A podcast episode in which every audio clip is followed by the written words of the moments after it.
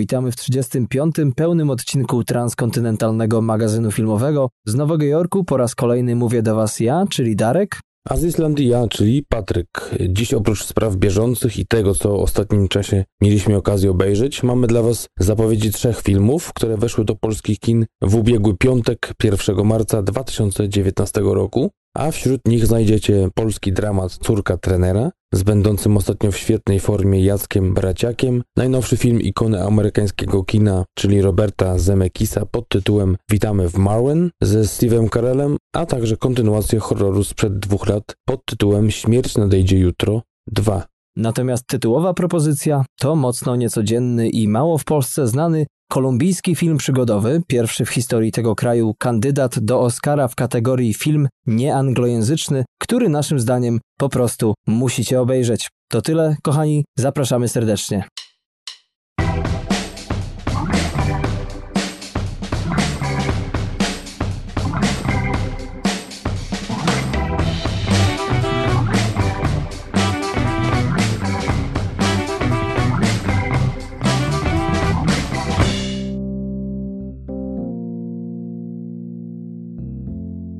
Przyszedł marzec.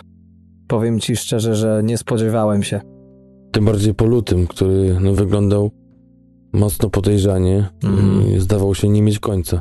A co dziwne, bo był krótszy niż przeciętnie. Ja to powiem ci, że kojarzę luty tylko z tego, że po prostu marznę e, w lutym w Nowym Jorku. To jest najgorszy miesiąc. Ja miałem, powiem ci, taką akcję odchudzania i nie jadłem ani nic słodkiego, ani chipsów 29, 30 i 31 lutego. No wiesz, zawsze coś, nie? To musiał być rok przystępny. No i trochę ruchu było też w tym czasie. Sporo wyciskasz w tym dni. Łez na klatę. Jak to było w tym, wojewódzkiego. No tak. No nieważne. Ten dzisiejszy odcinek nagrywamy na kilka dni przed jego wypuszczeniem i tak się zdarzyło akurat, że nagrywamy go w urodziny naszej islandzkiej połówki, także e, wszystkiego najlepszego. Dziękuję, dziękuję, kochani. Naprawdę nie musicie. Jak tam? Jak tam? No, wiesz, pierwsze piwo. Jak to przy osiemnastce? No, no tak. Poczekaj, jak zaczniesz latać na dziewuchy. Znaczy, nie mówię ci, że musisz, tam wybierz co wiesz, co wolisz. Właśnie jakiś owłosienie na twarzy się pojawiło. Wiesz, no tak dojrzewam. A, to słuchaj, jest taki Big Mouth na Netflixie, jakbyś chciał. Dość przystępny. A, żebym wiedział czego się spodziewać. No, powiem ci, że życie lubi zakręty. No a no, ty już w słusznym wieku jesteś, więc musisz się wystrzegać. I trzeba te zakręty brać garściami, czy jak, jaka jest konkluzja? Nie no, tak. Ale oczywiście. Jak tam u ciebie te podrygi na Islandii? Coś ostatnio chodzi ci szczególnego po głowie, oprócz czapki, czy, czy robaków, czy czegokolwiek? tak, pies andaluzyjski. Po komentarzu naszego słuchacza, kolegi z Twittera, Instagramu, Facebooka, przeglądałem ten komentarz dwa razy i tak mówię, że pomyślałem sobie, że muszę w końcu zobaczyć tę okładkę tego filmu i Coś kojarzę ten film, ale boję się zajrzeć. Nie wiem, czy to mam dobre obawy, czy jakby prawdziwe, czy, czy tak sobie gdzieś ubzdurałem w głowie. że pies andaluzyjski to jest coś złego. Czy to tak jak mucha hiszpańska? Pamiętasz? Pamiętam, pamiętam. E, wiesz co, mi też ostatnio się ten pies andaluzyjski przewinął, bo surfując sobie mm, różne informacje a propos klimatów podobnych do dzisiejszego filmu głównego, to właśnie natrafiłem na kilka komentarzy, że niektórym ten dzisiejszy film podchodzi pod takiego właśnie psa andaluzyjskiego. No. Nie wiem, czy to prawda i jak to świadczy o psie, ale czy o Andaluzji samej, ale coś jest w tym oniryzmie. Wiesz co, ja to powiem tak, coś mi nie grało w tym filmie, zastrzeżenia. Mhm. Czasami mam takie, e, znaczy najczęściej mam takie podejście jak Mark Maron, który powiedział w jednym ze swoich odcinków podcastu What the fuck, e, że jak on ogląda film e, i coś jest nie tak, w sensie, że nie zrozumie, to on nie uznaje, że ten film jest głupi, tylko coś jest z nim nie tak. Że jakby czuje, że on czegoś nie zrozumiał i on musi się dokształcić, obejrzeć drugi raz. Ja też takie coś mam, ale potem trafiłem na nieliczne komentarze powiedzmy na nie i mówię, kurczę, ktoś to samo zobaczył. No widzisz? Nie? I wiesz, mówię, to już teraz nie wiem. czy iść dalej tym tropem, czy, czy jednak Spasować. grzebać. I... Chyba, ale chyba jednak lepiej się postawić w pozycji tego głupszego, wtedy się człowiek czegoś może nauczyć. Mm. A jak uznasz, że co jednak masz wszystko rację i No, we wszystkim, czy może nie we wszystkim, ale w większości, to, to chyba wtedy mniej się nauczysz, a może, może to powinno przyświecać temu całemu procesowi dojrzewania, umierania i w ogóle, żeby jednak się uczyć, a nie zamykać. to tak ci się urodzinowo zebrało. No, powiedzmy, że to jest taka sentencja, która mi krąży po głowie w ostatnich dniach, Mm. jak nie akurat dziś. No to co tam widziałeś? No bo wiem, że masz się czym chwalić tym razem. Zanim powiem ci, co widziałem, to chciałem tylko powiedzieć o trzech rzeczach. Raz, że dzisiaj jestem chory, więc generalnie jak brzmię jakoś zakatarzony, czy mój głos jest zmieniony, to that's why.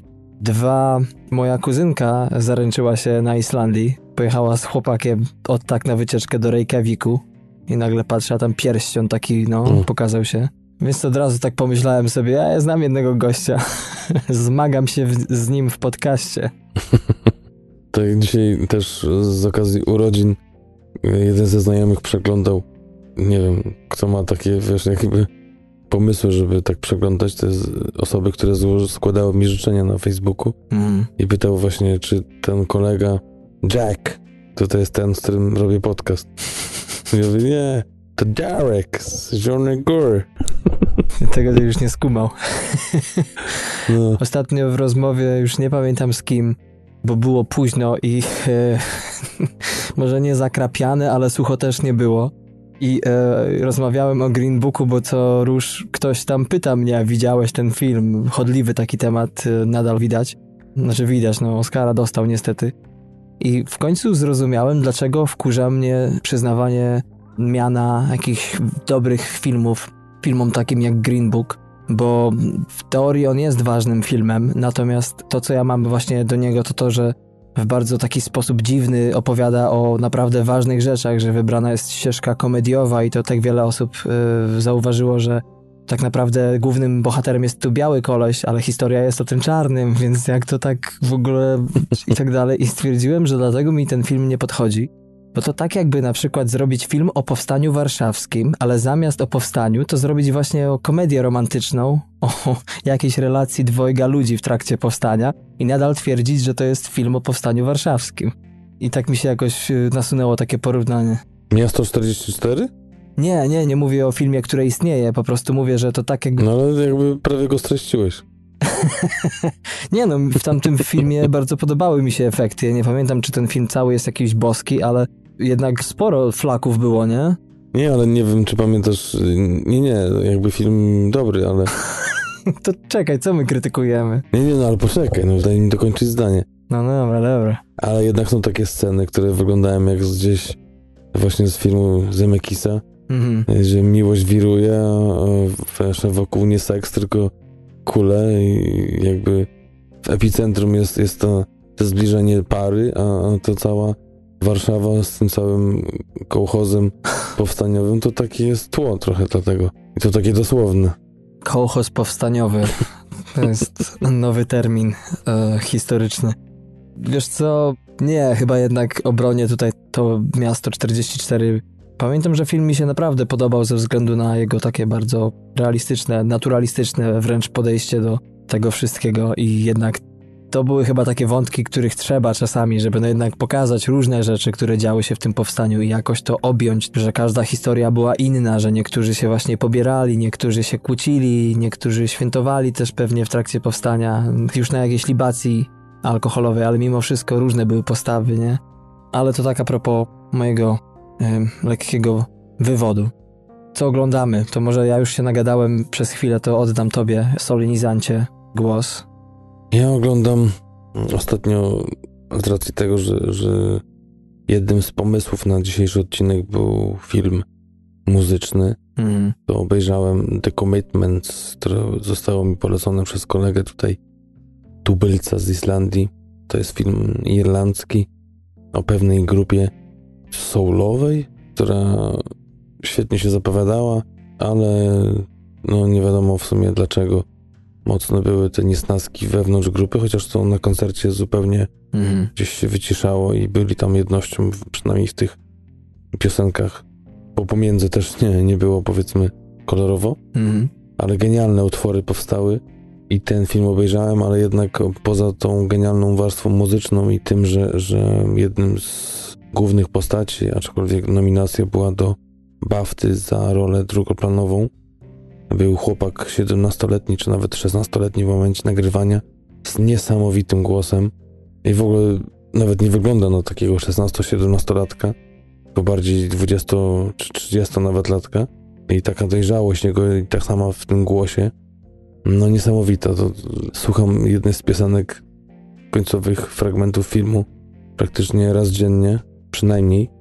I dalej czuję to podniecenie, bo w ogóle to jest taka kapela mocno rozbudowana, trzy głosy żeńskie w chórze, trąbka, saksofon, y, dwie gitary, bas i właśnie wokal i jeszcze klawisze do tego, więc naprawdę świetnie instrumentalia i świetnie chłopaki i dziewczyny grali razem. Mhm. No ale jednak film się nie broni. Ta historia jest taka trochę rozwleczona, trochę taka kumpelska o jakichś takich no, szczeniakach, którzy coś próbowali, ale nie wyszło, w sumie nie wiadomo dlaczego i, mhm. i szkoda filmu.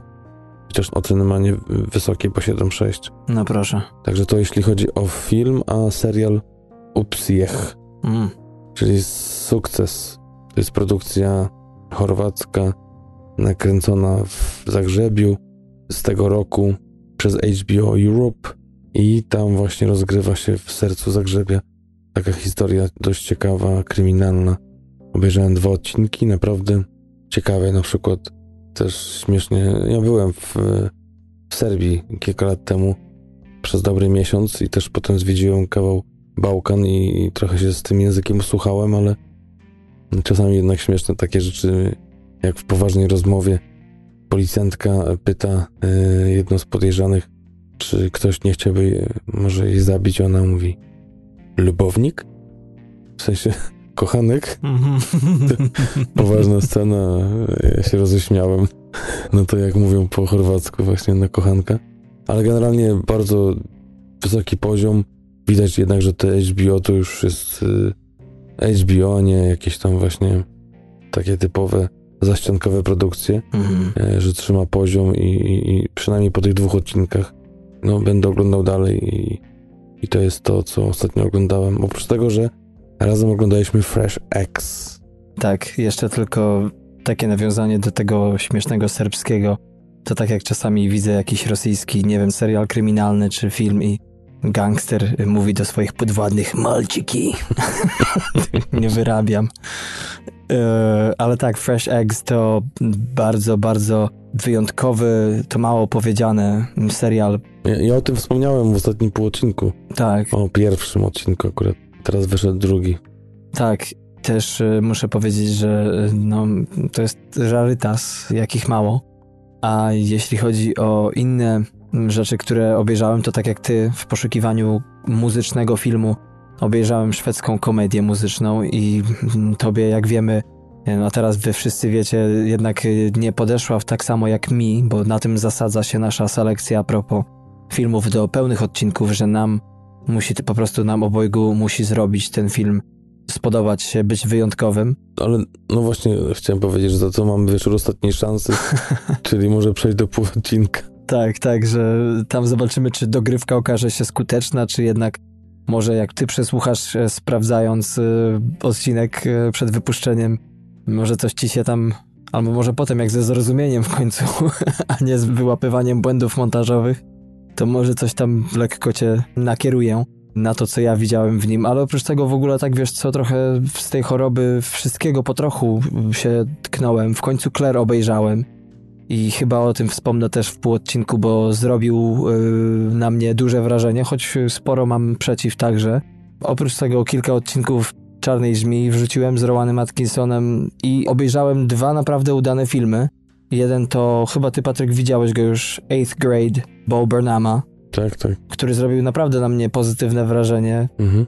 Przedstawieniem tematu, czyli ostatnim tygodniem w ósmej klasie pewnej dziewczyny, która przechodzi przez te wszystkie trudne momenty i powiem, że film naprawdę oprócz tego, że wciąga niesamowicie, to też ta postać, y, nie wiem dlaczego ten film został pominięty na przykład przy rozdawaniu nagród za scenariusze, czy jej rola, no rola jej jako zakompleksionej nastolatki z problemami z cerą, tak została świetnie odegrana, że zapominałem, że to była aktorka, nie?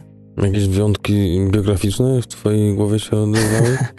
Miałeś coś z cerą kiedyś? Powiem ci, że nie miałem wielkich problemów y, z kompleksami, chociaż do przodu też taki nie byłem, raczej gdzieś tam w środku stawki, więc za bardzo nie dostawałem raczej w szkole. Ale jeszcze chciałem powiedzieć o jednym filmie dokumentalnym, bodajże na Amazonie albo na HBO. Three Identical Strangers, czyli trzech identycznych bliźniaków. To jest y, w zeszłym roku było głośno w Stanach o tym dokumencie. Film o tym, jak y, po porodzie trojaki zostały rozdzielone i nikt z adopcyjnych rodziców nie wiedział o tym, że istnieją jeszcze dwa inne dzieciaki.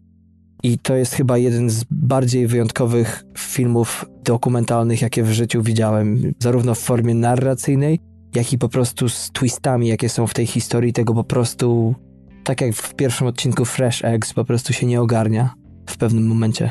Hmm. Ciekawe. Mhm. Powiem ci, że tak ostatnio zastanawiałem się nad tym, że no nie mogę tak, będąc, y, próbując być kompetentnym y, wiesz, y, podcasterem mhm. filmowym, zupełnie pomijać te dokumenty, bo nie przystoi, tak. Ja nie mówię, że nic nie oglądam, ale strasznie dawno. Myślę, że przynajmniej z, ze dwa lata nie widziałem całego dokumentalnego filmu pełnometrażowego, więc hmm. myślę, że muszę w końcu się za nie wziąć i dać im szansę, bo wiem, że to są wyjątkowe, te dobre, to są naprawdę wyjątkowe rzeczy, a, a gdzieś tam z urzędu u mnie odpadają w przedbiegach. No widzisz. Czuję się z tym podle. To też jest prawda, słuchaj, że tych różnych dokumentów jest na podobną modłę bardzo dużo, to znaczy w ogóle gatunek filmu dokumentalnego. Tutaj wydaje mi się, że po prostu film od zarania dziejów u ciebie działał jako forma, a dokument to jednak jest zupełnie inna rzecz i Rozumiem, że z tym jesteś, nie jesteś oswojony jakoś mocno, nie masz tego spustu, żeby nagle sobie włączyć jakiś, ale te nominowane, zwłaszcza do Oscara, bo zawsze je oglądam w trakcie kolejnego roku, wracam do nich, do tej listy. Powiem szczerze, że to jest tak niesamowity arsenał pomysłów różnych na film dokumentalny, bo czy taśmy Teda Bandiego, które są chyba na Netflixie, o ile pamiętam, czy na przykład ten o Osho, o którym mówiłem, Wild Wild Country, czyli bardzo dziki kraj po polsku. Cztero bodajże odcinkowy czy sześcio, nie pamiętam, ale to były tak po prostu niesamowite rzeczy, tak niestworzone, że przez pierwsze trzy odcinki to ja w ogóle powątpiewałem naprawdę, czy to tak było i zacząłem kopać w internecie, bo rzeczy, o których tam się mówi a propos tego kultu w stanie Oregon, no to się nie mieści po prostu w żadnych jakichś takich, nie wiem, no nieoświeconych normach, ale zdrowego rozsądku nawet, nie? Podstawowego. Nie pamiętam, kiedyś oglądałem taki dokument o morświnach. To no, wstrząsnęło strasznie i tak myślę, czy mhm. to był jeden z ostatnich, który oglądałem i niesamowite go przeżyłem wtedy. I może tego się boję, może boję się prawdy.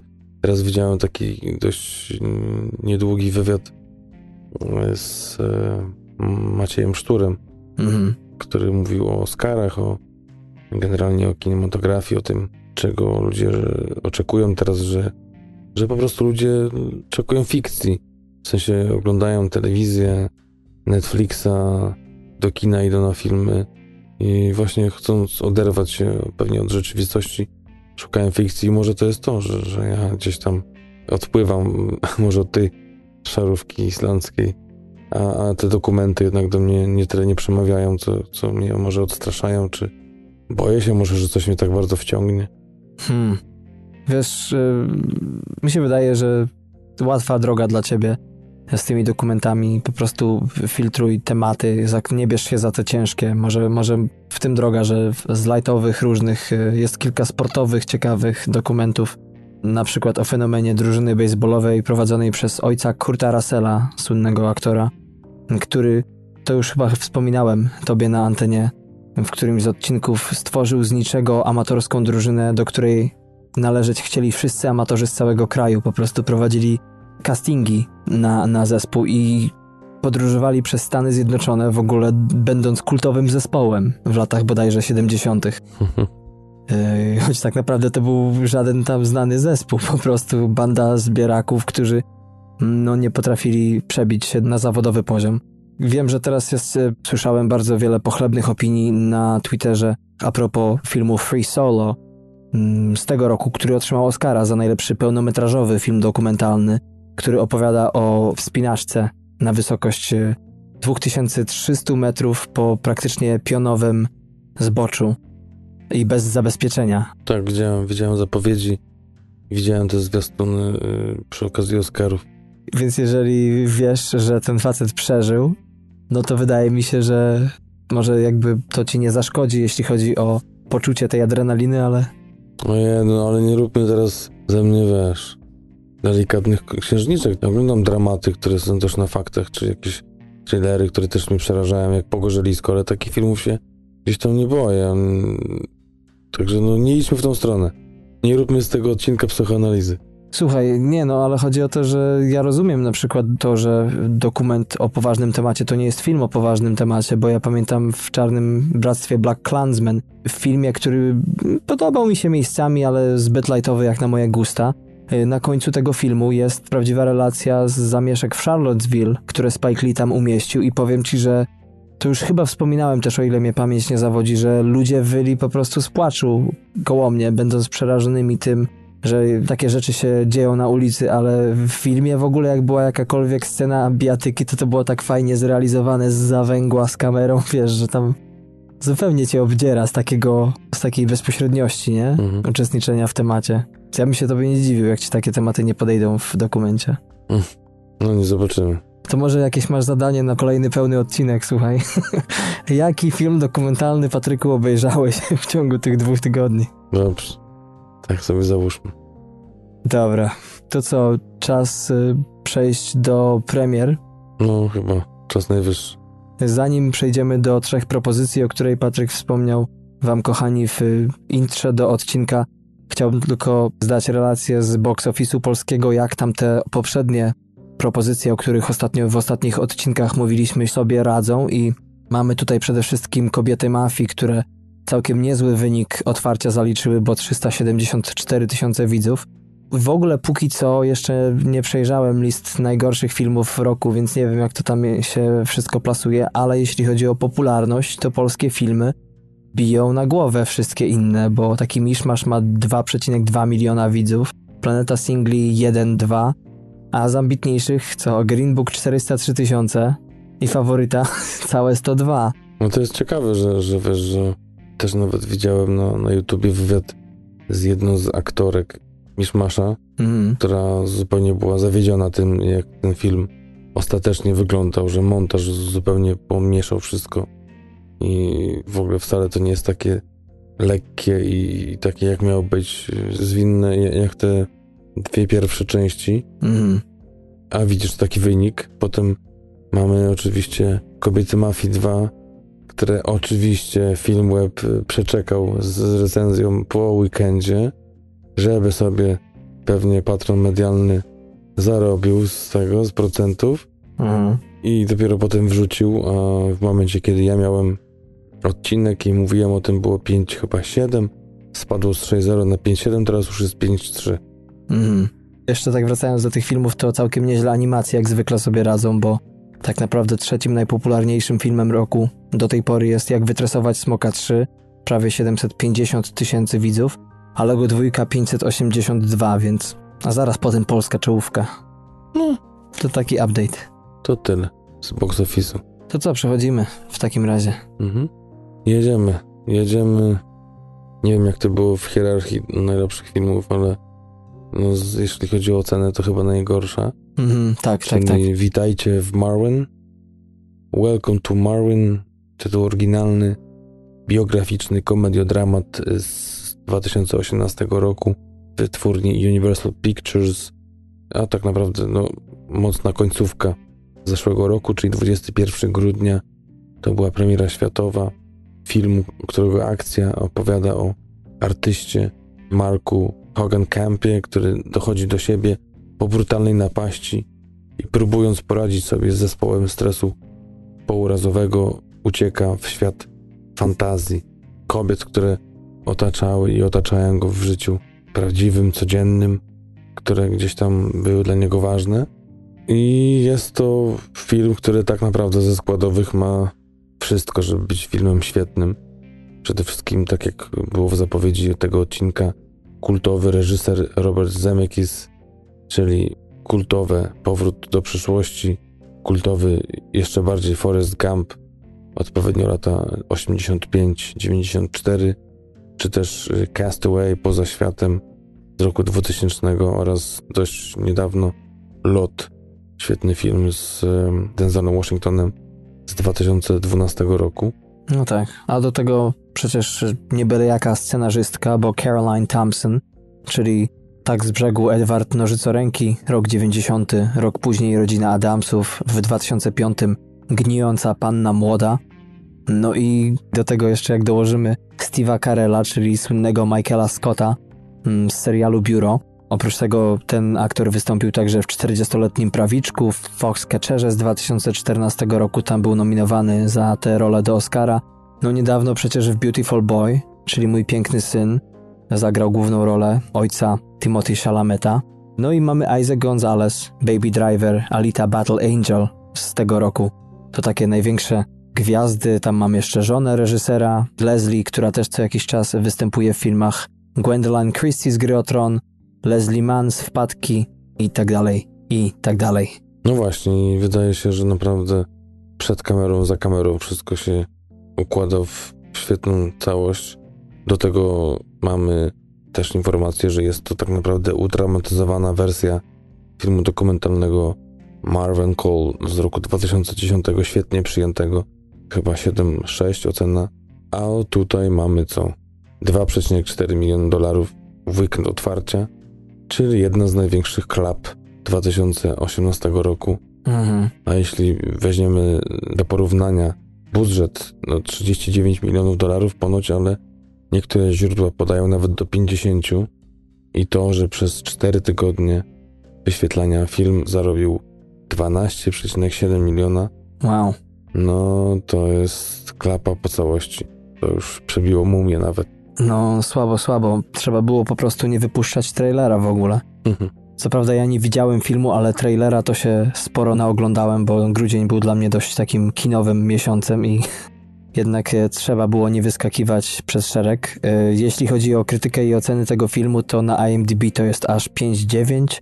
Na Rotten Tomatoes aż 32% krytyków wystawia temu filmowi ocenę pozytywną i aż 56% widzów.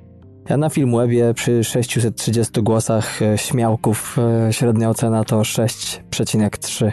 I aż 100 zgniłych recenzji no, na Rotten Tomatoes też mówi wiele. Choć nie jest tak, że nie ma żadnych głosów pozytywnych i tak warto przytoczyć takie oto opinie, że jest to dobry, pełen uczucia i energiczny hołd dla niezwykłej osoby, jaką właśnie był artysta, którego wciela się Steve Carell, oraz to, że Semekis jest szczególnie uzdolniony i to jest właśnie dowód kolejny na to, że potrafi świetnie połączyć rozrywkę cyfrową, zabawę CGI i generalnie komputerem, aby stworzyć portret człowieka walczącego ze swoimi demonami. I to pokazuje w kolejnym swoim filmie. Tak jest, no szkoda, że nie wyszło, bo według tych, którzy się nie zgadzają z tą opinią, Zemykis podobno próbuje poruszyć publiczność, ale robi to z wymuszonym tonem i przesadnym melodramatem. No i zamiast tego skupić się na rozwijaniu bohaterów, podobno reżyser zatraca się właśnie we wspomnianej przez Patryka zabawie technologią, mm, czy to CGI, czy motion capture. I widać, że sporo ma w tym frajdy, i choć połączenie właśnie tej animacji z występami aktorów wypada efektownie, to jednak y, film ten nie posiada tego, co powinien posiadać każdy dobry film, czyli scenariusz dobry, choć czas trwania tego filmu to godzina 56 minut. Ja bym się bardzo gorąco nie wybrał na ten film. No właśnie, nie wiem, zwiastun pamiętam, że robiłem nawet newsa na Facebooka o tym. Może nie był jakiś genialny, ale przez to jaki zaciąg gwiazd tak jak mówiłem, po dwóch stronach kamery był do tego projektu przywiązany, wydawałoby się, że no aż tak źle nie może być, a chyba jednak tak jest. Ale przynajmniej dowiedzieliśmy się, że taka ilość gwiazd nie kosztuje nie więcej niż, no nie wiem, z 38 milionów czy 50, ilo to wydali na garze aktorskie, ale no i oprócz tego chociaż duża ilość zgniłych recenzji, to przynajmniej okrągła liczba 100. To z pozytywów takich e, statystycznych. A teraz co? Polska produkcja, e, która też e, dość różnie została przyjęta po weekendzie otwarcia w Polsce, z tego co można się zorientować w internecie póki co. Córka trenera. Mm, to zupełnie niedawno trafiło mi się na YouTubie, w sensie mm, zwiastun, mm, recenzja, nawet ze dwie, które widziałem. Nawet nie zwróciłem uwagi przed przygotowywaniem się do odcinka dzisiejszego, że to były faktycznie premiery na ten tydzień, na ten weekend. Mhm. E, I mamy tu właśnie e, film, którego premiera była już 26 lipca zeszłego roku na festiwalu Nowe Horyzonty. I tak przez kilka kolejnych festiwali dopiero teraz dobiła do brzegu kinowego i trafiła do szerszej dystrybucji. Jeszcze ponoć też ma kilka festiwali zahaczyć w drugim kwartale i też na jesień. To tak zapowiadają twórcy. Akcja opowiada o tym, jak Maciej Kornet, którego wciela się Jacek Braciak, podróżuje po Polsce wraz z 17-letnią córką Wiktorią, w tej roli Karolina Bruchnicka i obydwoje cały czas i całe swoje życie poświęcają tenisowi. Od wielu lat są tylko we dwoje, zawsze razem, a ich trasy właśnie wyznaczają zawody w tymże właśnie ciekawym i bliskim mojemu sercu sporcie. Ona chciałaby być najlepsza, on jest dla niej całym światem, ale w pewnym momencie dołącza do nich Igor. Tutaj też ciekawy naturszczyk Bartłomiej Kowalski, dobrze zapowiadający się zawodnik, a do tego mocno przypada do gustu Wiktorii i tutaj zaczyna się lekka wyrwa między tym dość specyficznym e, związkiem ojca i córki. I mamy tu pierwszą miłość, pierwszy papieros, pierwszy kieliszek alkoholu, a wiadomo, że sport e, tego nie toleruje, a tym bardziej ojciec, który no, wydaje się jednak e, mocno zapatrzony w tą karierę córki i poza tym niczego nie widzi. Tak jest, oczywiście o tej nietolerancji w sporcie mówimy w sporcie współczesnym, bo w latach 70. to był przede wszystkim składnik olimpijskiego przygotowania. Mhm. Przynajmniej naszych piłkarzy, z tego co można w kilku biografiach poczytać. Jednym ze scenarzystów tego filmu jest Krzysztof Umiński, który razem z Łukaszem Grzegorzkiem stworzyli film w 2016 roku, który dla Umińskiego był pierwszym pełnometrażowym. Mowa tutaj o filmie Camper. Natomiast Łukasz Grzegorzek to oprócz twórcy dzisiejszego filmu także kilkukrotny medalista Mistrzostw Polski w tenisie ziemnym, więc ciężko wyobrazić sobie lepszego połączenia pasji z poprzedniego wcielenia z aktualnym zajęciem.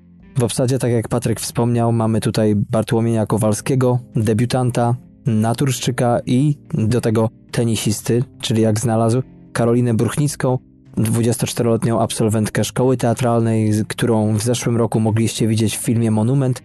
Jacka Braciaka mm, nie trzeba przedstawiać chyba, ale wymienię tylko kultowy Eddie, Drogówka czy Claire.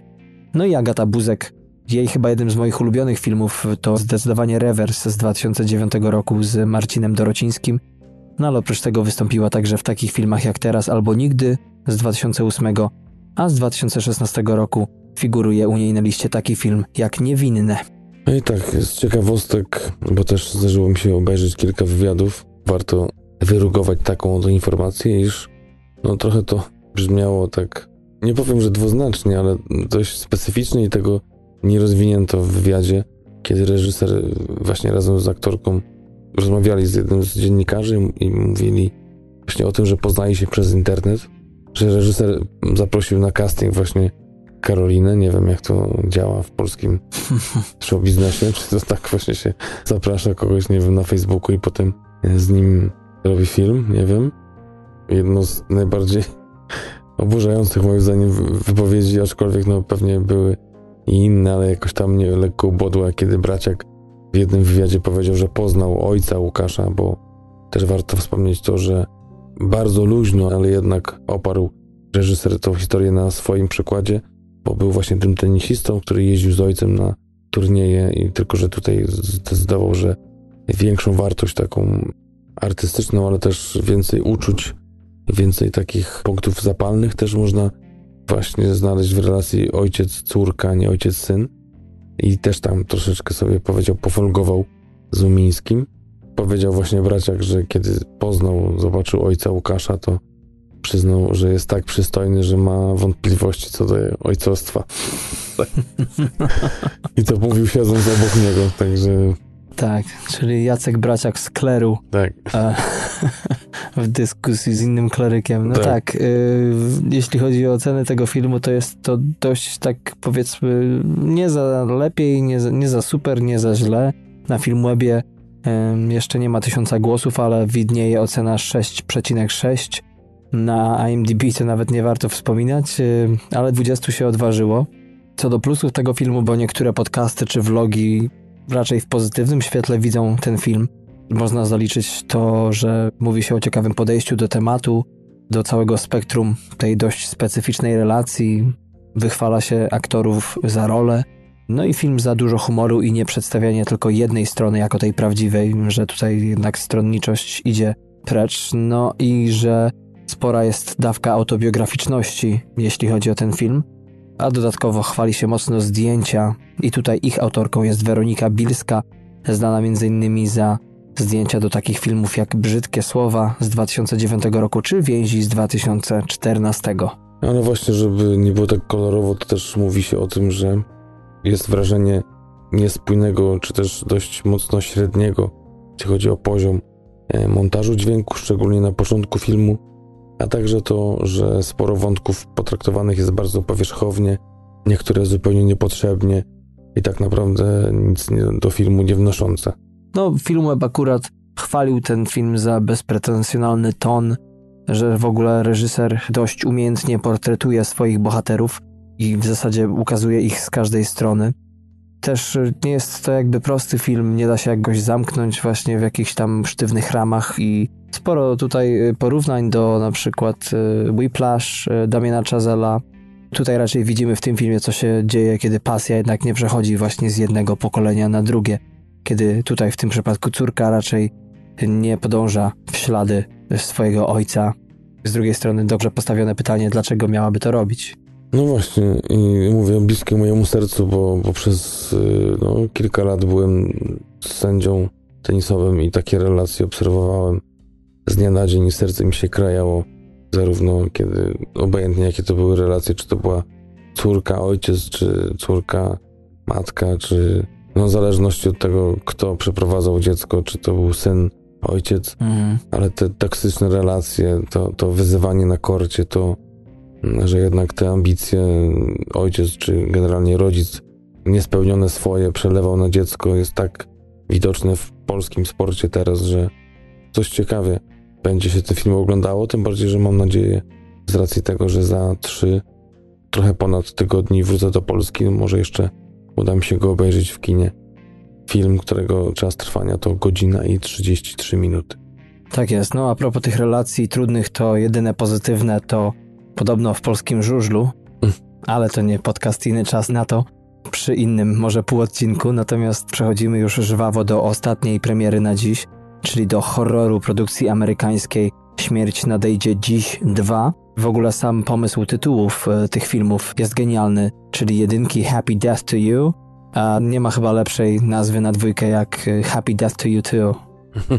The fuck. Premiera dzisiejszej kontynuacji światowa odbyła się 13 lutego tego roku. Gdzieś bodajże na Filmwebie zauważyłem datę 14 lutego, ale de facto została ona przesunięta na dzień wcześniej, ze względu na to po prostu, że na szacunek dla pierwszej rocznicy słynnej strzelaniny w szkole średniej na Florydzie. Jeśli chodzi o jedynkę, to mówiła tutaj o Tree Geldman, o dziewczynie, która każdego dnia budzi się w dniu swojej śmierci.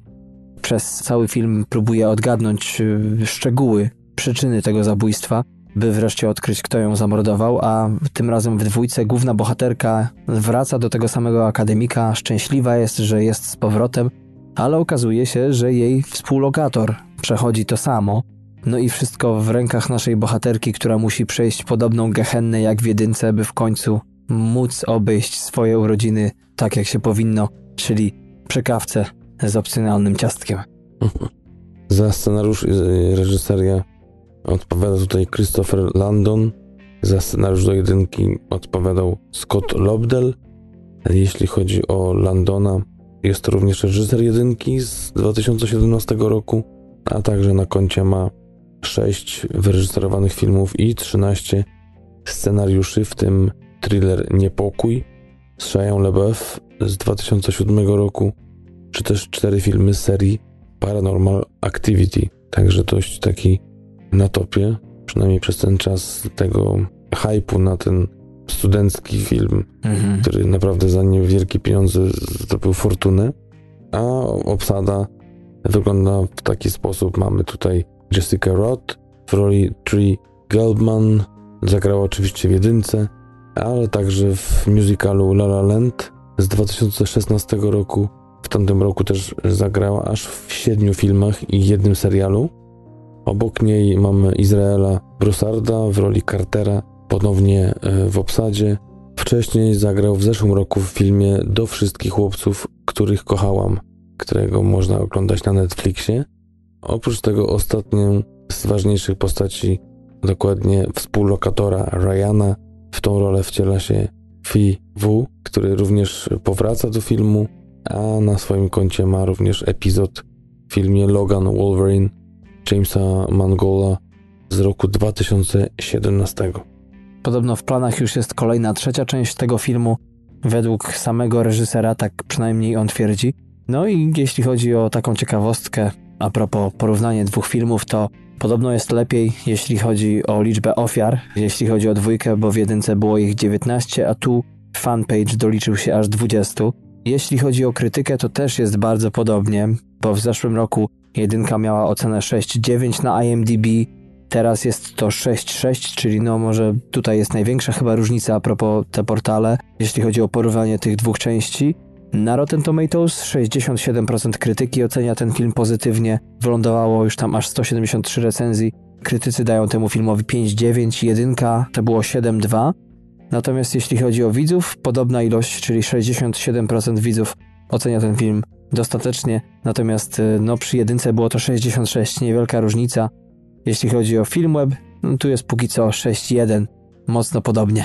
I teraz plusy dodatnie oraz plusy ujemne.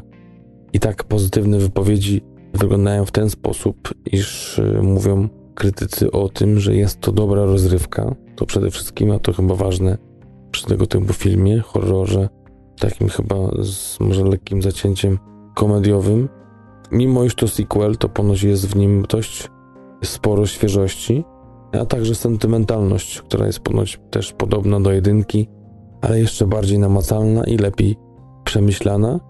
Za te plusy ujemne, czy też minusy dodatnie, warto wspomnieć, iż mówi się o tym, że jest to film pusty i męczący, że wcale nie jest przemyślany.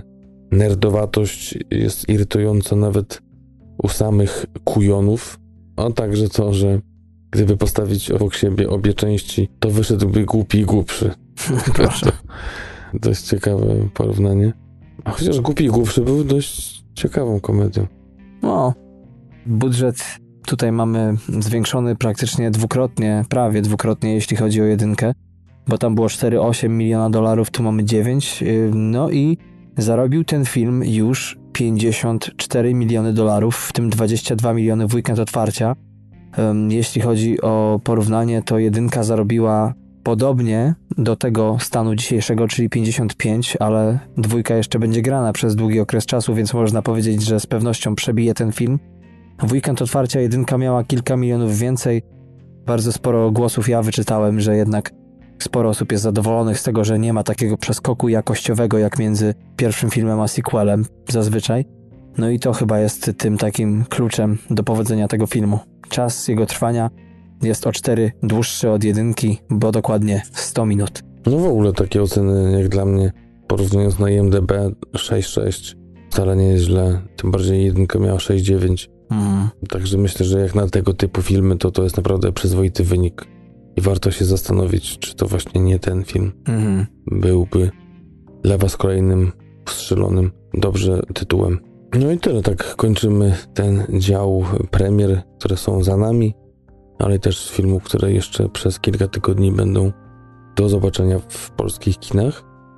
I przechodzimy do objęć węża. W objęciach węża. Film produkcji kolumbijskiej, wenezuelskiej i argentyńskiej.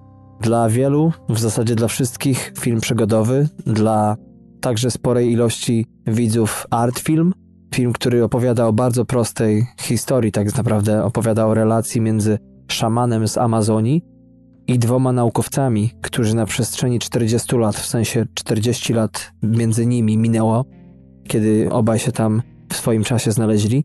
Obaj byli pochłonięci jedną rzeczą, czyli poszukiwaniami świętej, leczniczej rośliny jak runy, która jest jedną ze składowych ayahuaski. To dla tych, których interesują halucynogenne tematy, to pewnie jest dobrze znany termin. Prosta z pozoru historia, która jest chyba jednym z takich, y, nie, nie wiem czy mocno wyjątkowych filmów, na pewno mocno wyjątkowy, bo przecież skoro to pierwszy kandydat Kolumbii do Oscara, nie anglojęzycznego, to jednak te filmy widać nie przebijają się, jeśli chodzi o mainstream. Fakt, że miał premierę w Cannes w 2015 roku, w Polsce też był w kinach, sporo zresztą zjeździł festiwali. Jakie były twoje pierwsze, powiedz, wrażenia a propos obejrzenia tego filmu? Bo ja go widziałem dawno już w trakcie premiery i na mnie zrobił ogromne, ale to było 3 lata temu.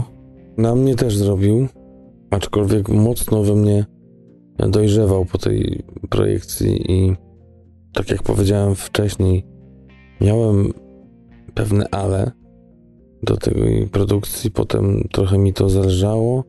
Uznałem, tak jak mówiłem wcześniej, że może jestem za głupi, czegoś nie rozumiem. A potem trafiłem na Rotten Tomatoes i było tylko 6 na bodajże 150 chyba recenzji było negatywnych. Aha. I tam wypatrzyłem te swoje właśnie na 140, przepraszam.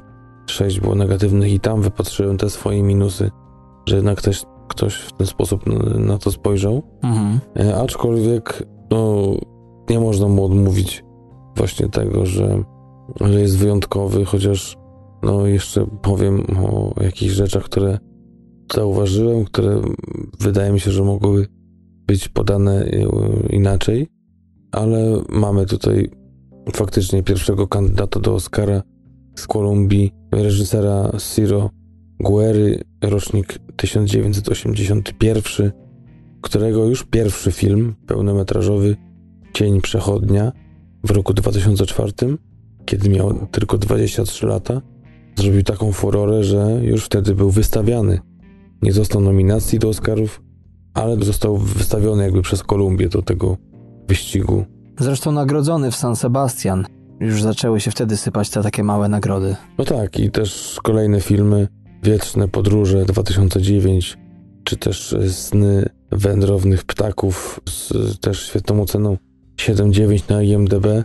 Również zwiastowały, że coś, coś tam z pana Guery będzie i tak właśnie przyszedł czas na film w objęciach węża, a w przygotowaniach na jednych stronach mówi się o roku 2020, na innych, że, że jeszcze rok jest nieznany. Czeka pan Guerra na premierę filmu Waiting for the Barbarians, gdzie w rolach głównych zagra m.in. Johnny Depp, Robert Pattinson czy Mark Rylance, czyli dość takie no, uznawane i nagradzane i w ogóle w ostatnim czasie poważane postaci w Hollywood. Tak jest, tym bardziej, że do współpracy ma też y, dość sprawdzonego partnera, bo Jacques'a Tolemont Vidala, z którym to oprócz dzisiejszego filmu także y, stworzył film, o którym wspomniałeś, Sny Wędrownych Ptaków. To, co jest wartością dodaną w tym filmie, o czym tak naprawdę nie wiedziałem za pierwszym razem, kiedy oglądałem ten film, ale za drugim razem, już mając tę wiedzę, obejrzawszy go niedawno, to co kompletnie ryje przysłowiowy beret w moim przypadku, to to, że w zasadzie 50%, yy, ale to jak ważne 50% obsady stanowią kompletni naturszczycy, bo wspomniany szaman Karamakate za młodu grany jest przez Nilvio Torresa i Zostajemy go w 1900, o ile pamiętam, 11 roku, bo cała historia oparta jest na prawdziwej wyprawie Teodora Koch-Grünberga, który to zresztą do dzisiejszego filmu, tak myślałem, Patryku, czy nie załączyć tego oryginalnego filmu, który właśnie jest na YouTubie i można go zobaczyć y, a propos tej wyprawy. No i mamy tutaj Antonio Bolivara, który gra starszą wersję szamana. I aż nie mogę uwierzyć, że ci goście po prostu nie grają. Są tak realistyczni i te kwestie tak podają w timing co do ułamka sekundy. No tak, tym bardziej, że tak jak mówisz, nadolszczycy, ludzie plemienni z tamtych terenów i, i ani wcześniej, ani później w niczym już nie zagrali, przynajmniej do dziś. A jeszcze tak uściślając postaci tych, tych dwóch naukowców, Theodor Koch Glumberg, pan żyjący w latach 1872-1924 oraz Niemiec, a także Amerykanin, który właśnie 40 lat później podążał jego śladami, żeby sprawdzić jego teorię, jego odkrycia, czy to jest prawda, to był właśnie Richard Evans Schulz, który żył w latach 1915-2001. Tak, y, tu a propos ścisłości, nieścisłości historycznych, to tylko taka mała wzmianka, że w tym filmie, co widziałem, nie pamiętam, czy to tak chyba film podaje, ale postać y, Teodora zmieniona jest tutaj na potrzebę filmu i jego nazwisko brzmi Theodor von Martins, a nie Koch Grünberg, który grany jest tutaj przez belgijskiego aktora Jana B. Weta, którego wcześniej możecie pamiętać albo z serialu Peaky Blinders, bo tam w trzecim sezonie zagrał w kilku odcinkach Wielkiego Księcia gruzińskiego Leona Petrowa, tak go pamiętam, ale też Patryku był już u nas w 22 odcinku w obsadzie filmu W kręgu miłości, w którym grał muzyka. Także e, tak się ten pan e, wokół nas zakręcił. A Brian Davis zagrał wspomnianego przez Patryka Richarda Schulza.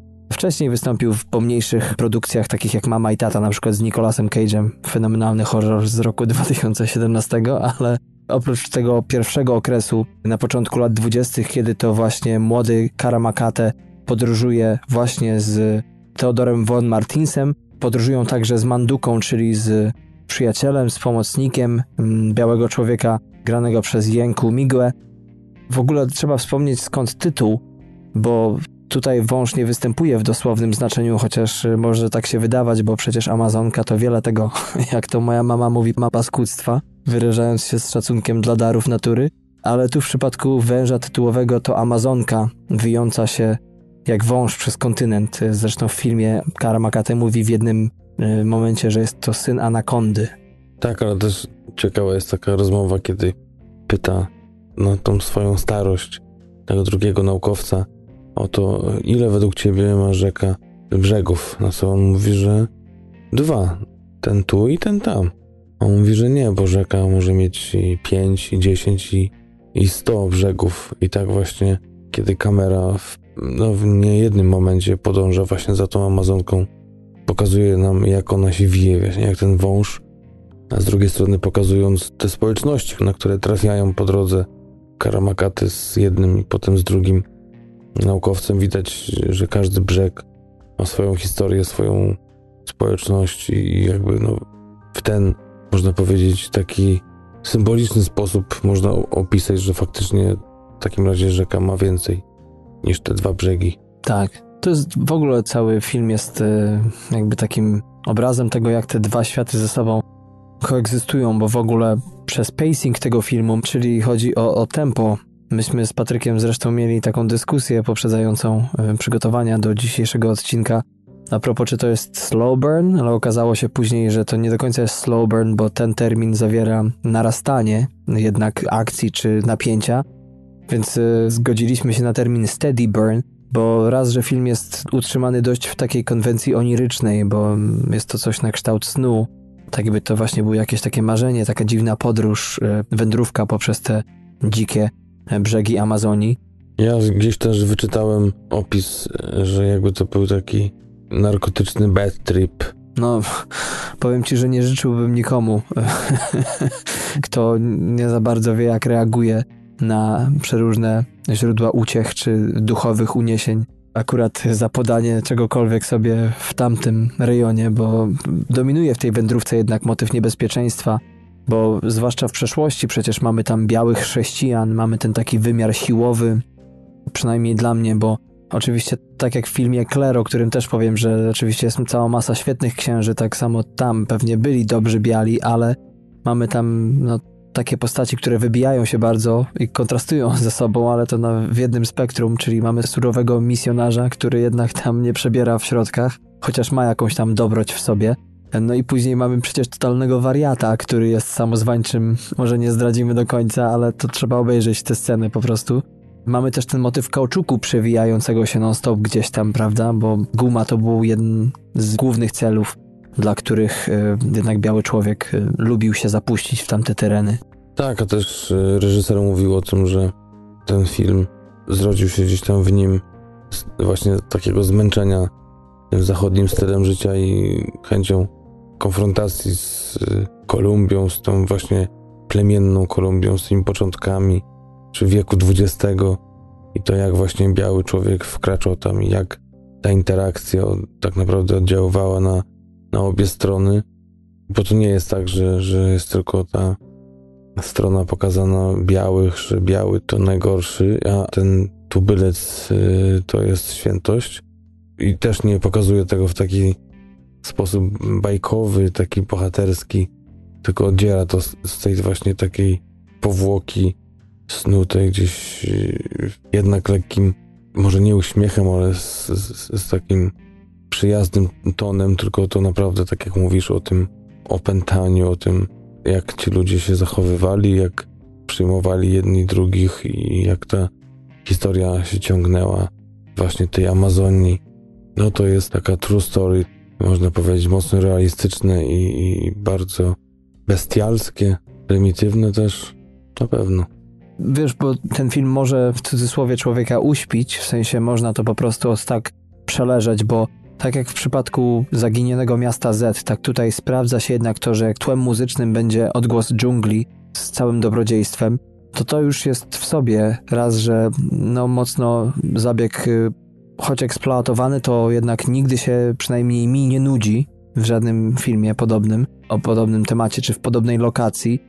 To, co ten film ukazuje, na co możemy być uśpieni, jednak to właśnie te wzajemne problematyczne relacje tych dwóch światów, bo przecież Indianie traktują białych jako chciwych ludzi żądnych władzy, pazernych. Dla białych z kolei Indianie to ludzie, których czas już minął, w najlepszym przypadku.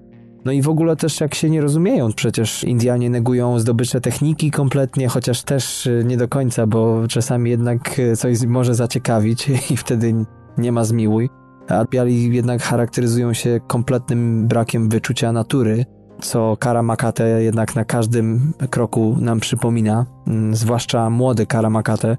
Wiesz, mówisz o tym, że, że jakich zaciekawi. No wiadomo, że człowieka różne rzeczy ciekawią i, i też jakaś rzecz, przedmiot może zaciekawić, ale z drugiej strony to jest mm, pokazana trochę inna natura białego człowieka, przywiązania do konkretnej rzeczy. Mhm dla tubylców tam rzeczy są po prostu wymienne, tak?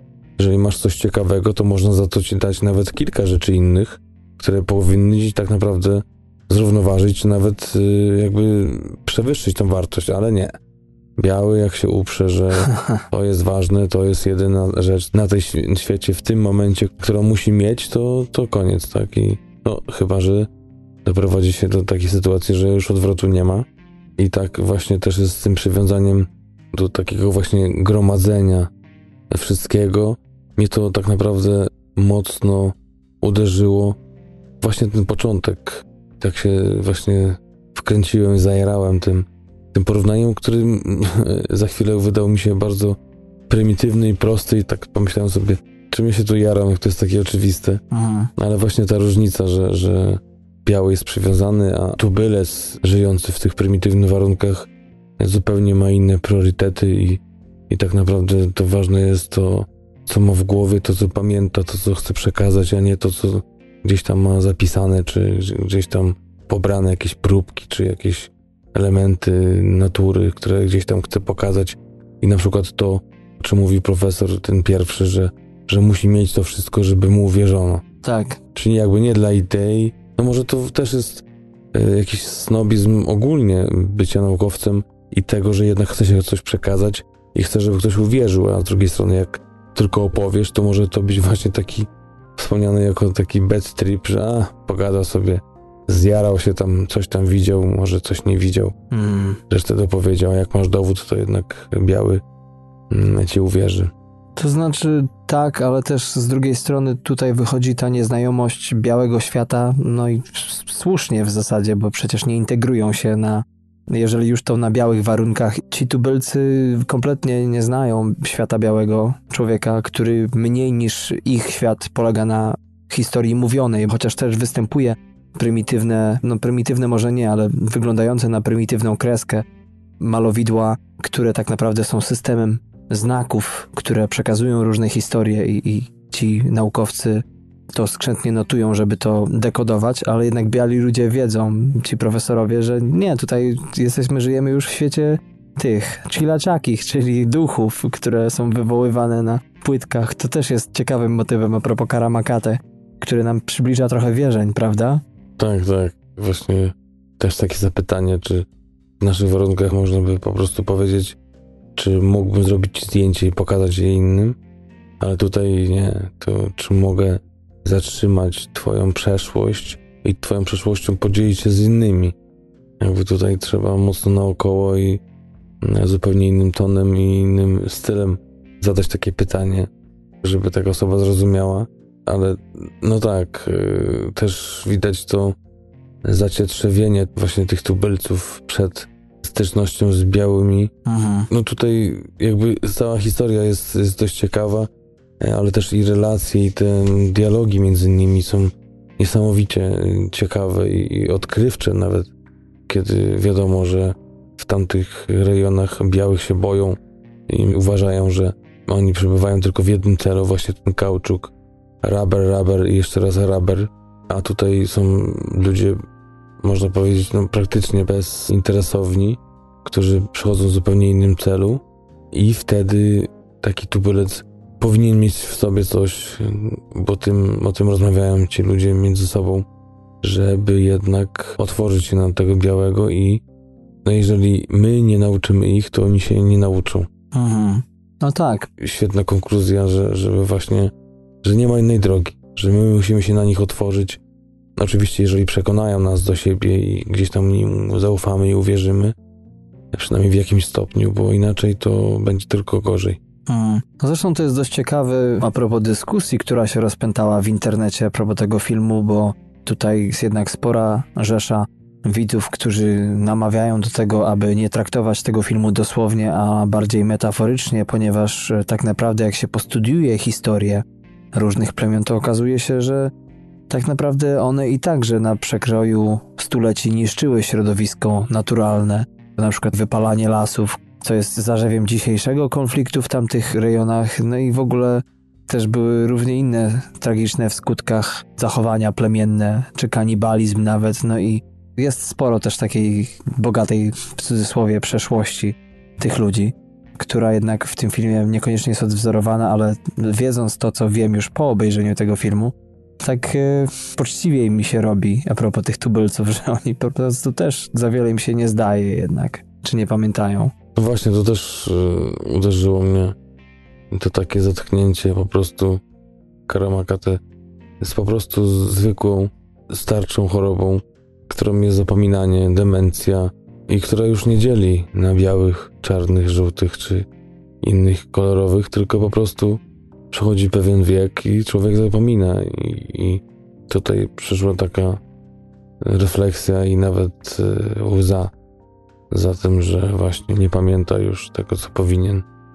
Nie może przekazywać dalej. To też wzruszający moment był. Mhm.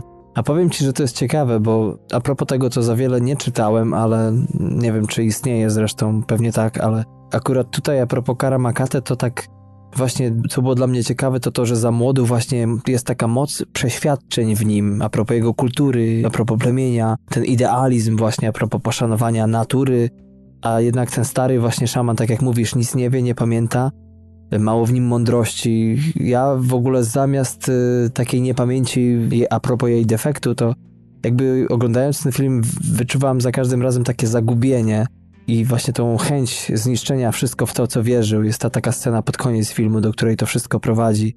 Nie wiem, czy to właśnie jest jakaś choroba umysłu, w sensie pamięci, czy jednak jakieś, nie wiem, nie widzimy tej drogi, którą on przebył, nie widzimy tych 40 lat na przestrzeni tego filmu, tylko efekt. No właśnie i tutaj jakby tą drogą idąc, moglibyśmy dojść do tego jednego z moich zarzutów, że właśnie widzimy tylko ten przeskok i zarówno w jednej tej linii czasowej, jak w drugiej mamy od razu jego spotkanie z naukowcem. Mhm. Za mało, moim zdaniem, mamy pokazanego, tym bardziej, że oni genialnie, jaki młody, taki stary, wcierają się w tą rolę. Za mało momentów, kiedy pokazują ich samych, gdzie możemy przebywać z nimi i w tej właśnie samotności ich, y, zobaczyć jak oni faktycznie to przeżywają, bo, bo mówię, tak jak w jednej i w drugiej od razu y, linii czasowej mamy te spotkania, a może jakiś fragment przydałby się, który właśnie raz, żeby może w skrócie streścił, co przez te 40 lat się działo, a dwa, pokazał trochę jakąś jego naturę takiego samotnika, który faktycznie nie ma wokół siebie nikogo, mm. bo też warto wspomnieć, że on należał do, do, do plemienia, na które napadli biali właśnie z racji oczywiście kauczuku i pogoni za nim i uciekł, chowając się właśnie w samotności. Potem trochę też walcząc z takim wyrzutem sumienia, że to zrobił i gdzieś tam po tych 40 latach, mając jednak jakieś przemyślenia a propos swojej historii i też tego, jakim symbolicznym jest spotkanie z tym drugim naukowcem, że to nie jest przypadkiem i to wszystko, co się zadziało, to prawdopodobnie tak miało być i też świetnie to tłumaczy. Tak jak mówiłem ci, Darek, ja to oglądałem z napisami angielskimi, gdyż co, co ciekawe, co też warto wspomnieć, w tym filmie mówią w niesamowitej ilości, bodajże 10 czy 11 językach. Mhm. Oprócz takich nowożytnych jak e, hiszpański, portugalski, niemiecki, kataloński, angielski czy łacina, mamy właśnie te plemienne jak Cubeo, Tikuna, Vanano czy inne Hutotota. Także niesamowite jest to, to pomieszanie i to, że właśnie ci naukowcy mówią w tych językach plemiennych, nie oczywiście w każdych, bo też oni między sobą też czasami się nie mogą dogadać. Mhm. Jednak tego jest sporo. No tak, to pokazuje raz y, świetną realizację tego filmu, a dwa też, y, tak jak wspomniałeś właśnie, to jak wiele smaczków jest w tym filmie, y, których de facto można nie wyczuć dopiero po przesłuchaniu na przykład naszego odcinka, kiedy ucho się jakoś nastroi na te ciekawostki, na te niuanse, które tutaj wam sprzedajemy.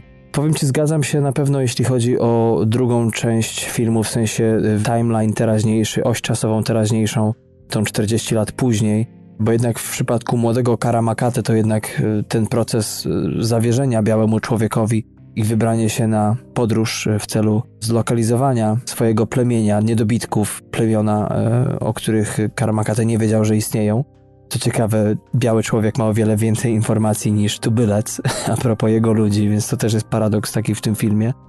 No to jednak tam są takie momenty, kiedy on widać, że dojrzewa do tej relacji, że też niektóre rzeczy go bawią, że ma też jakieś tam swoje przemyślenia, ale fakt, mogłoby być to troszeczkę narracyjnie wzbogacone, a być może tak było, że te relacje były szorstkie prawie non-stop, że niewiele się tam zbliżali do siebie, ale to jednak na potrzeby filmu można takie rzeczy umieć pokazać. Hmm. No i też y, tak naprawdę to, że ten film, bo to też chyba nie powiedzieliśmy o tym, też pewnie okładka y, odcinka o tym powie, że jest on czarno-biały, mhm. to, to z jednej strony dodawało uroku tej historii, i, ale z drugiej strony dla mnie to było takie, chociaż gdzieś tam też jeden krytyk mówił, że nie odpływał w podziwianiu tej całej niesamowitej flory i fauny Amazonii i w ogóle Kolumbii, tylko skupiał się na postaciach, a teraz ten kolor czarno-biały, a dwa to zlewanie się wody z lasami, też cały czas jesteśmy właśnie e, praktycznie na rzece czy w okolicach, mm. to też y, tworzyło takiego rodzaju tło tak naprawdę, na którym to występowały osoby, czy, czy twarze, czy czy te emocje, które podziwialiśmy, a to po prostu było jakimś takim, taką mozaiką z tyłu. która się gdzieś tam przenikała i czasami nawet można było nie zauważyć, co się tam w tle dzieje. No powiem ci, że ja wyczytałem sporo głosów, y, które jedne mówiły, że no w ogóle kiepski zabieg, bo przecież to takie piękne rejony, że to tylko dodałoby jeszcze filmowi, że przez to nie pobudził on czyjejś wyobraźni. Niektórzy powiedzieli, że to właśnie był celowy zabieg reżysera, tak domniemywują, bo przecież no, nawet najlepsze zdjęcia Amazonii nie mogą oddać w 100% y, tego piękna i tego całego klimatu. Ja bym się zgodził z tym, a propos co powiedziałeś, że rzeczywiście jednak y, czarno-biały film może nie jest to do końca dla wszystkich zabieg, ale dla mnie powiem ci, że tak jak zgodzę się z tą osobą, która powiedziała, że nie pobudził mojej wyobraźni, to powiem ci, że wyostrzył mi słuch strasznie.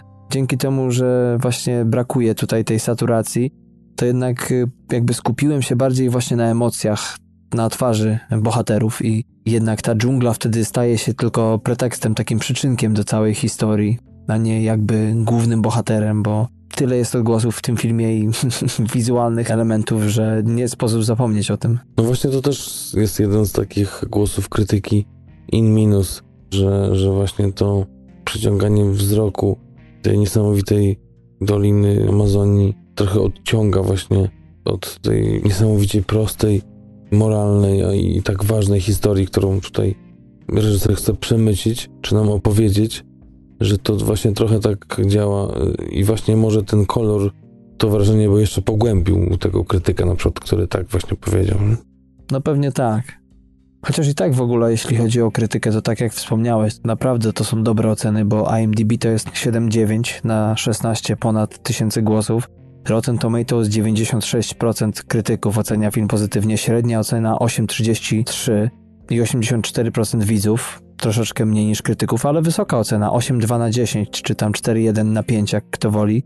Na Filmwebie film dość nieznany, 5000 głosów, ponad tylko 5,5, ocena 7,6, też nie najgorzej.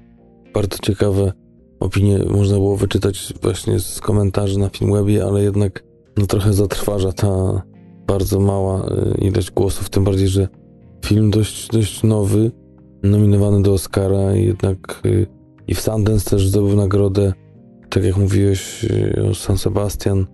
W Cannes też nagrodę specjalną tak. Mm, w 2015 roku.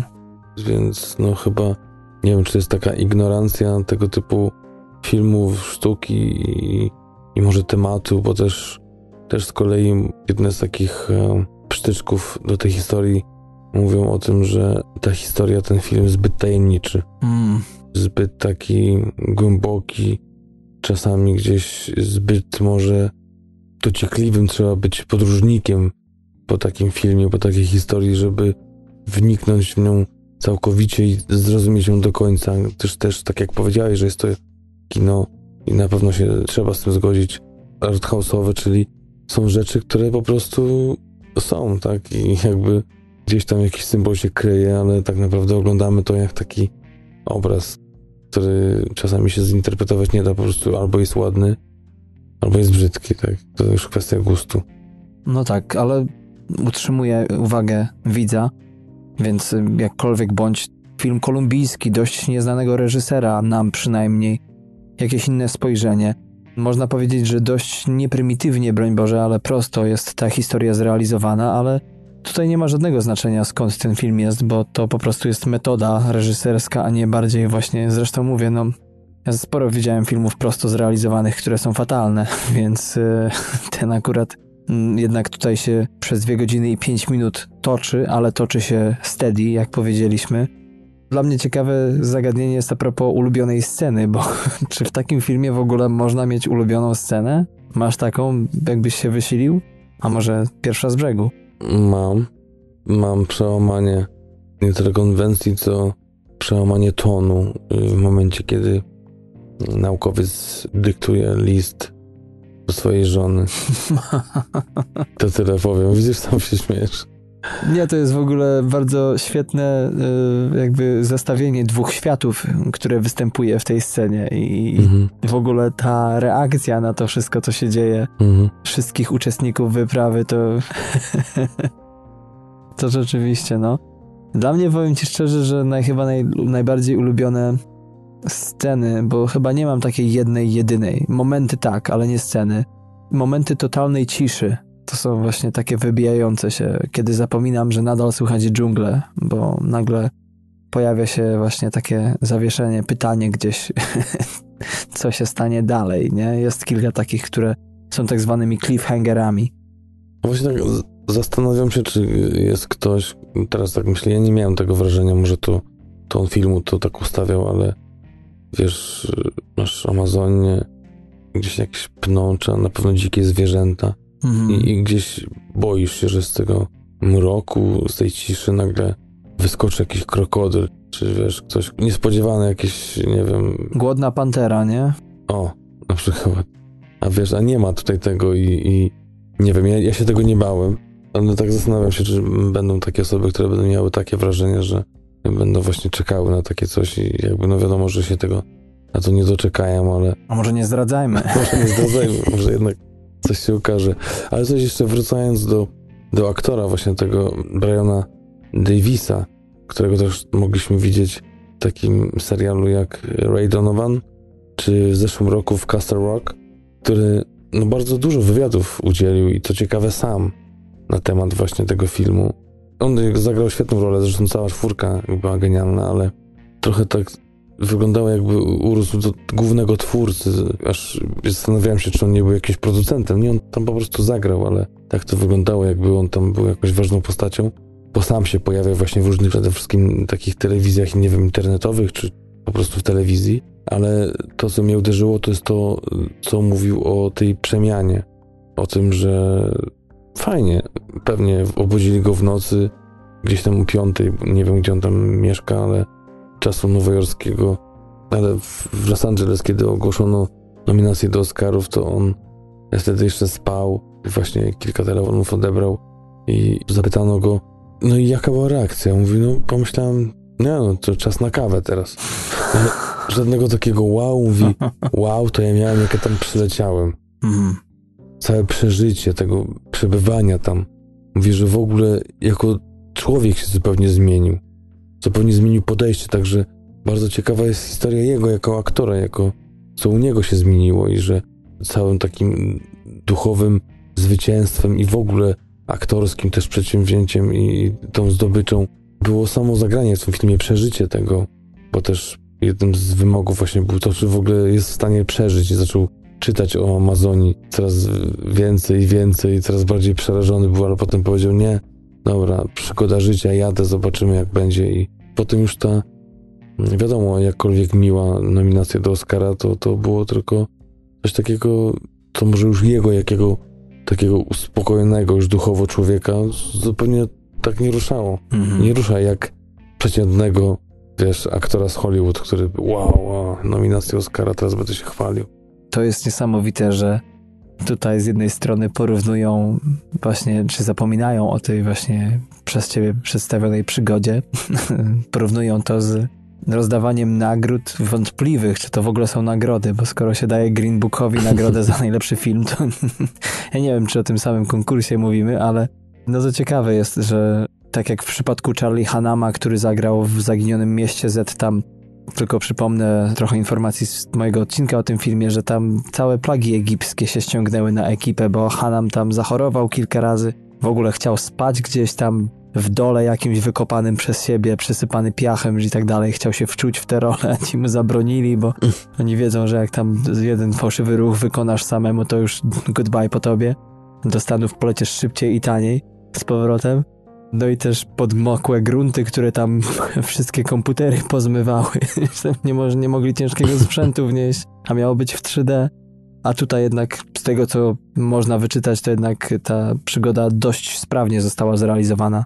W krótkim dość odstępie czasu mimo wszystko. Tak, ale też to miało związek z tym, że, że ten budżet nie był za wysoki, mhm. też za dużo nie mieli czasu, ale mówiono y, i właśnie o problemach właśnie z tym, żeby gdzieś tam z tą kamerą w odpowiednie miejsce wjechać, żeby się ustawić, że ekipa nie była zbyt duża, ale jednak trzeba było to wszystko zgrać, nakręcić z odpowiednich y, kątów, z odpowiednich miejsc. Mhm. I że to było wielkie przedsięwzięcie. Nie tyle wielkie, co trudne, ale jednak się udało i świetnie, że Kolumbia ma takiego twórcę, który no, jest nadal młody, 38 lat w tym roku jeszcze pewnie wiele lat y, świetnej kariery przed nim, tym bardziej, że praktycznie każdy film na razie był udany i tak jak powiedziałem, teraz wchodzi na coraz to wyższe pozycje i te aktorskie i pewnie scenariuszowe i budżetowe na pewno. Mhm. Więc no, oby, oby więcej i pieniędzy, i prestiżu, i czasu, i wolności przede wszystkim dla e, Siro Guery i jego wyobraźni i jego wizji przedstawienia świata, bo jeżeli tak to będzie przedstawiał, to, to nic tylko będziemy się zachwycać kolejnymi jego filmami. Mamy nadzieję. A jaką byś wystawił temu filmowi laurkę końcową i go podsumował, dlaczego tyle, a nie mniej lub więcej? Mm, ja mu wystawię takie 13, 13 i pół powiedzmy na, na 15, bo, bo na pewno mną wzruszył, e, na pewno e, poruszył i rósł przez te ostatnie kilka dni od czasu jak obejrzałem. Miałem obejrzeć go drugi raz, nie udało mi się, ale ale myślę, że, że spokojnie teraz mam ten tydzień wolny, kiedy ty będziesz przygotowywał się do swojego płocinka i mam nadzieję obejrzeć go jeszcze raz, pewnie jeszcze głębiej wejść w tą historię. Jeszcze chciałem taką przytoczyć bardzo ciekawą i zgrabną recenzję, podsumowanie tego filmu. Aha. Czas jest jak uścisk węża. Jednocześnie ciepły, ale i dusi. I ciesz się cudownym uściskiem. Powiem ci, że przez dwie trzecie tego cytatu wiedziałem, e, jak do niego podejść, a ta jedna trzecia końcowa wywróciła to wszystko. Będę musiał sobie to przemyśleć. Ja z takich cytatów z użytkownika jakiegoś tam forum, chyba to był film wyczytałem takie podsumowanie a propos tego, co my jako biali ludzie zrobiliśmy, w sensie nie osobiście, ale nasi kumple sprzed kilku wieków oskarżył tę część cywilizacji o to, że zanieczyszczamy środowisko, wycinamy masowo lasy amazońskie, wybijamy zagrożone gatunki. Jesteśmy jak ci głupcy, którzy siedzą na środku oceanu w łódce i zaczynają rąbać tę łódkę, aby rozpalić ognisko. I tak podsumował e, generalnie przesłanie z tego filmu. Ja uważam, że nie jest tak płasko. Ja też dam temu filmowi 13,5. Nie daję 14 i 15, bo rzeczywiście jest tam jakiś tam mankament, ale ja chyba jednak filmom, które mnie poruszają w bardziej zróżnicowany sposób, wprawiają w mniej delikatne nastroje niż ten film daje właśnie wyższą cenę, tylko dlatego, że to jednak był ten steady burn, a nie slow burn.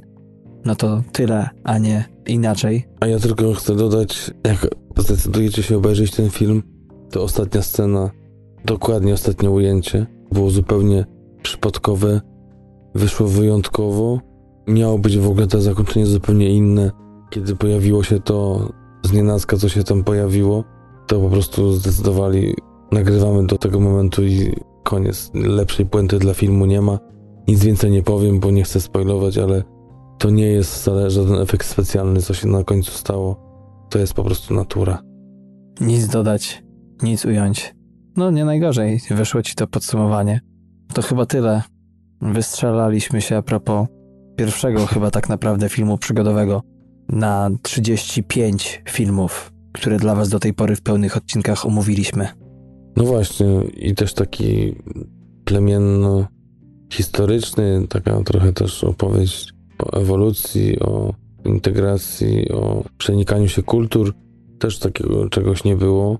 To też pewnie rozmowa i jakby tak wejść głębiej w te tematy, to można by obdzielić to kilkoma odcinkami, ale to my tu opowiadamy o filmie, nie będziemy za bardzo tu ani politykować, ani rozjeżdżać za bardzo, tylko chcemy Was zachęcić do filmu i mam nadzieję, że to już 35 raz nam się udało. I tyle. Zapraszamy do telewizji, VOD czy na inne platformy. Na pewno łatwo do zdobycia. Z tego co wiem, to na YouTubie można ten film wypożyczyć albo kupić to dla tych, którzy nie mogą go znaleźć w innej formie łatwiej. Dla mnie to jest zawsze takie ostateczne źródło, bo nawet w przypadku tego szwedzkiego filmu e, muzycznego, o którym na początku wspomniałem, to nie było jak nawet dostać nigdzie z napisami polskimi, a, a z angielskimi trafił się na YouTubie. Na jedno obejrzenie, ale zawsze coś. Oczywiście zapraszamy, kochani, do podzielenia się z nami uwagami a propos dzisiejszego odcinka, filmu przede wszystkim, ale też naszej tutaj radosnej twórczości na falach TMF-u.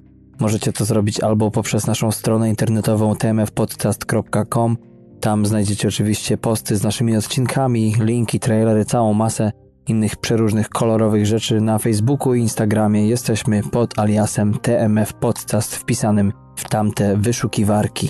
Oczywiście Twitter, tam z kolei nasz alias to TMF podkreślnik dolny podcast, oczywiście aplikacje podcastowe, Podcast Addict, Podcast Go, ale także YouTube, Spotify oraz kilka odcinków na SoundCloudzie.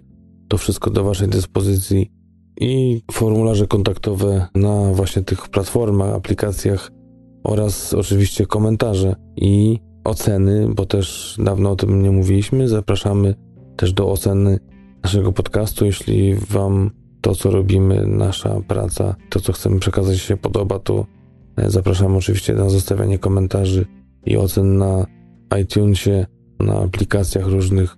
Będzie nam miło i to też e, pozwoli nam na dotarcie do szerszego grona słuchaczy i powiększenia bazy naszych odbiorców. Tak jest. A ja tylko z grzeczności przypomnę, że w przyszłym tygodniu wyjdzie mój półodcinek nowojorski. No i zastanawiam się, czy ten już kilkukrotnie wymieniony tutaj szwedzki film muzyczny nie wrzucić jako jeden z tematów, bo tak jest wyjątkowy dla mnie, że tak jak wspomnieliśmy na początku, mm, jednak wieczór ostatniej szansy może się wydarzyć, ale czy będzie coś więcej, tak mi się wydaje i to już y, moja słodka tajemnica wyjdzie w praniu już niedługo. Dziękujemy za dziś. Zapraszamy na kolejne i te poprzednie odcinki. Żegnamy się. Do usłyszenia. Do siego. Cześć.